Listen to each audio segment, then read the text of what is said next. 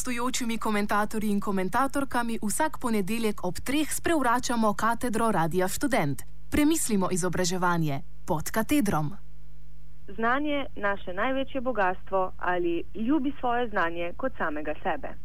Na Pedagoškem inštitutu so pred kratkim zaključili raziskavo Odnos do znanja v družbi znanja.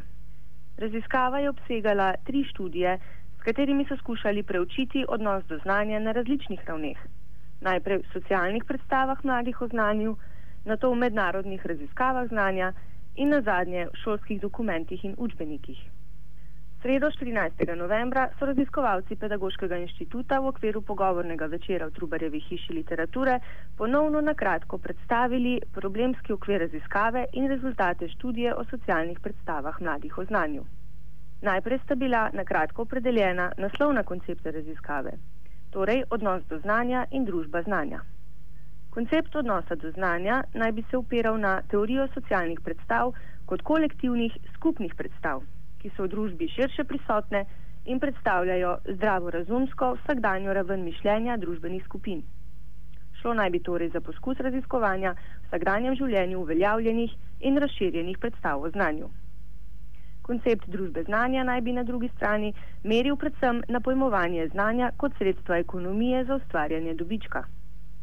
Označeval naj bi zlasti tiste sodobne trende, ki naj bi skozi povdarjanje družbene koristnosti znanosti, uporabnosti znanja in raziskovanja kot produkcije novega znanja merili predvsem na dobičkonosno znanje in znanjo, znanost podrejali gospodarstvu.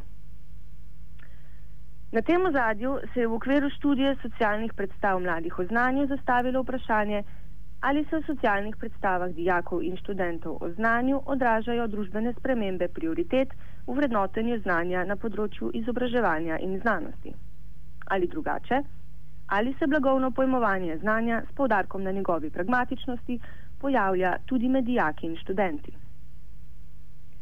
Rezultati prinašajo različne tipe odnosov, med dijak, med, eh, odnosov do znanja med mladimi, ki naj bi se razlikovali glede na motiviranost za izobraževanje ter usmerjenost k pridobivanju kompleksnega oziroma pragmatičnega znanja. V skladu s pričakovanji bi lahko rekli, je skupina s pragmatičnim odnosom do znanja tako pri dijakih kot študentih številčno precej zastopana. Ugotovitve in interpretacije navajam. Številčnost skupin s pragmatičnim odnosom do znanja kaže na to, da se je pragmatizem kot družbeno zaželena vrednostna orientacija, ki bolj ceni neposredno uporabno znanje kot temeljna znanja, že uveljavil tudi v izobraževanju.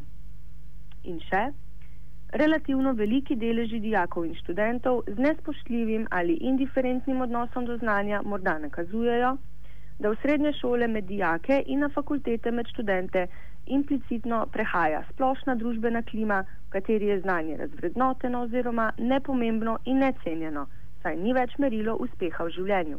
Konec navedka. Skrb zaskrbljenih za prihodnost je, kot ponavadi, velika. Ob tem bi bilo morda smiselno odpreti vprašanje, na katerih implicitnih vrednostnih sodbah in predpostavkah o znanju temelji to vrstna zaskrbljenost in v kakšnem družbenem okviru ali za koga se odnos mladih do znanja sploh lahko problematizira kot nesporno relevantno vprašanje. Pri tem nam ne mara lahko pomagajo ugotovitve, ki jih kratka predstavitev raziskave odnosa do znanja, dostopna na spletu, prinaša v okviru tretje študije, študije šolskih dokumentov in učbenikov. Tudi učni načrti, učbeniki in druga šolska dokumentacija vsebujejo določena pojmovanja znanja. In kakšno je stanje? Navajam. Slovenski učni načrti so premočno oprti na taksonomije vzgojno-izobraževalnih ciljev. Te taksonomije niso taksonomije znanja. In še, psihološka konceptualizacija poučevanja in učenja je v Sloveniji skoraj povsem izrinila druge konceptualizacije, zlasti, zlasti tiste, ki bi bile oprte na analize in teorije znanja. Nadalje. V učnih načrtih za osnovno šolo in gimnazijo je daleč najbolj izpostavljen pomen znanja za posameznikov osebni razvoj. Močno je zapostavljen pomen znanja za družbeni razvoj, pa tudi inherentni pomen znanja ter pomen znanja za nadaljne pridobivanje znanja. V tistih delih učnih načrtov, ki vsebujejo priporočila za učenje in poučevanje, je zelo malo navezal na sodobna pojmovanja znanja. Z drugimi besedami, pogrešati je močnejše povezave med didaktiko in sebino šolskih predmetov. Konec navedka.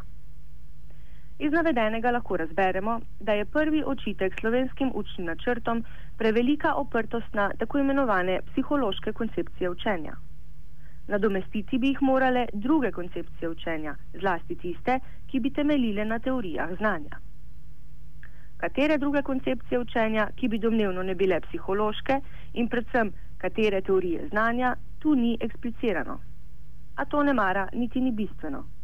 Ključno je, da se protestira v imenu znanja ali natančneje v imenu dejanskega ali pravega znanja v skladu s sodobnimi pojmovanji in ne denimo takega, kot ga prikazujejo zastarele, tako imenovane psihološke konceptualizacije. Drugi očitek se nanaša na poudarjenost pomena znanja.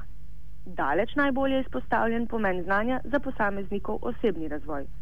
S tem načeloma sicer ni nič narobe. Problem je, da se prav malomarno zanemarja še druge vidike pomembnosti znanja, torej njegov pomen za družbeni razvoj, pomen, ki ga ima znanje samo na sebi, ter ne nazadnje pomen znanja za nadaljne, po možnosti vseživljensko pridobivanje znanja. Znanje danes vendar v vseh svojih pomenih veliko pomeni. Tega nikakor ne bi smeli pozabiti povedati učiteljem v učnih načrtih, če želimo, da bodo oni to potem lahko povedali dalje. Da bomo torej resnico o pomembnosti znanja, kot se spodobi, vedeli vsi. Tretji očitek nemara namiguje k razjasnitvi vprašanja o skrivnostnih, nezadostno zastopanih teorijah znanja iz prvega očitka. Priporočilih za učenje in poučevanje v okviru učnih načrtov je premalo navezal na sodobna pojmovanja znanja ali drugače premalo povezave med didaktiko in vsebino predmetov. In katera so ta sodobna pojmovanja znanja, ki vsebino predmetov bolje in močneje povezujejo z didaktiko? Upravičeno lahko sumimo, da gre za to, kako se znanje koncipira, razčlenjuje, povezuje, konstruira, usvaja, razume, uporablja in vsake toliko morda celo prenaša v okviru prevladujočih strokovno-pedagoških tokov. Aktualna pedagoška prizadevanja namreč v svojem raziskovanju znanja odkrivajo vedno kompleksnejše delitve raznovrstnih znanj, ki jim seveda ustrezajo tudi vedno pestrejše palete učno-didaktičnih pristopov. Vse to smo izpostavili predvsem zato, da bi pokazali, kako se domnevno neustrezen odnos mladih do znanja problematizira predvsem v idejnih okvirih sodobnega pedagoškega diskurza, ki se med vsemi menda najbolje zaveda splošne vrednosti znanja ter tudi tega, kaj znanje pravzaprav je. Slovenska družba znanja ni le družba, v kateri je znanje blago, temveč hkrati in predvsem družba, v kateri se znanje strani pedagoškega diskurza že precej časa opeva kot najvišji šolski in pedagoški smoter. Ali, kot je pred kratkim izpostavil Štefan za revijo Sodobna pedagogika, danes se med pedagogi razpravlja predvsem o vprašanju, kakšno znanje hočemo, medtem ko je implicitno jasno, da ga v vsakem primeru hočemo. Naša družba znanja je predvsem družba, v kateri je znanje najvišja vrednota, oziroma, če smo natančni, bi to za prevladujoči pedagoški diskurs saj moralo biti. Ta pedagoški moralo bi se jasno izražal v zaskrbljenosti ob rezultatih raziskave odnosa mladih do znanja. Temu priča tudi program seminarja za pedagoške in strokovne delavce v vzgoji in izobraževanju, ki ga bo na podlagi raziskave izvedel Pedagoški inštitut.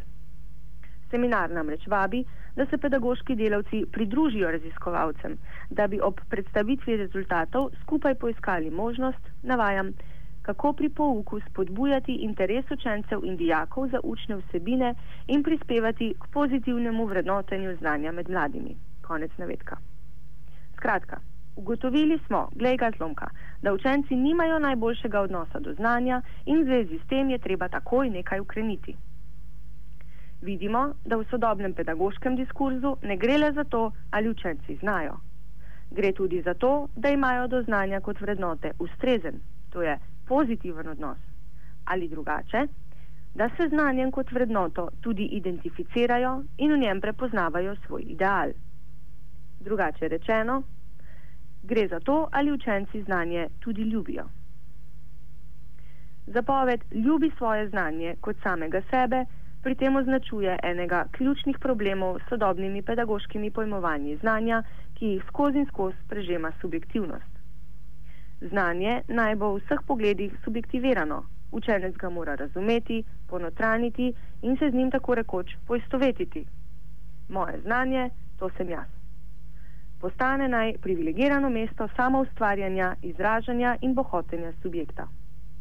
Kot da znanjem, ki ga hkrati ne bi še ljubili, nimamo več kaj početi. Kot da znanje, ki bi ne vsebovalo pečata subjektivnosti, torej učenčevega razumevanja, konstrukcije ali aktivnega soustvarjanja, skratka neko posamezniku popolnoma vnanje, objektivno in tuje znanje, sodobni družbi kot družbi subjektove samoformacije nima več nikakršnega mesta. Kolikor je v skladu s to vrstnimi samoformativnimi družbenimi trendi, ostaja sodobni pedagoški diskurs v okvirih prevladujočih ideoloških obrazcev. Ne na zadnje se njegovo sporočilo glasi: Naj učenci ljubijo znanje, kakor pahor ljubi politiko.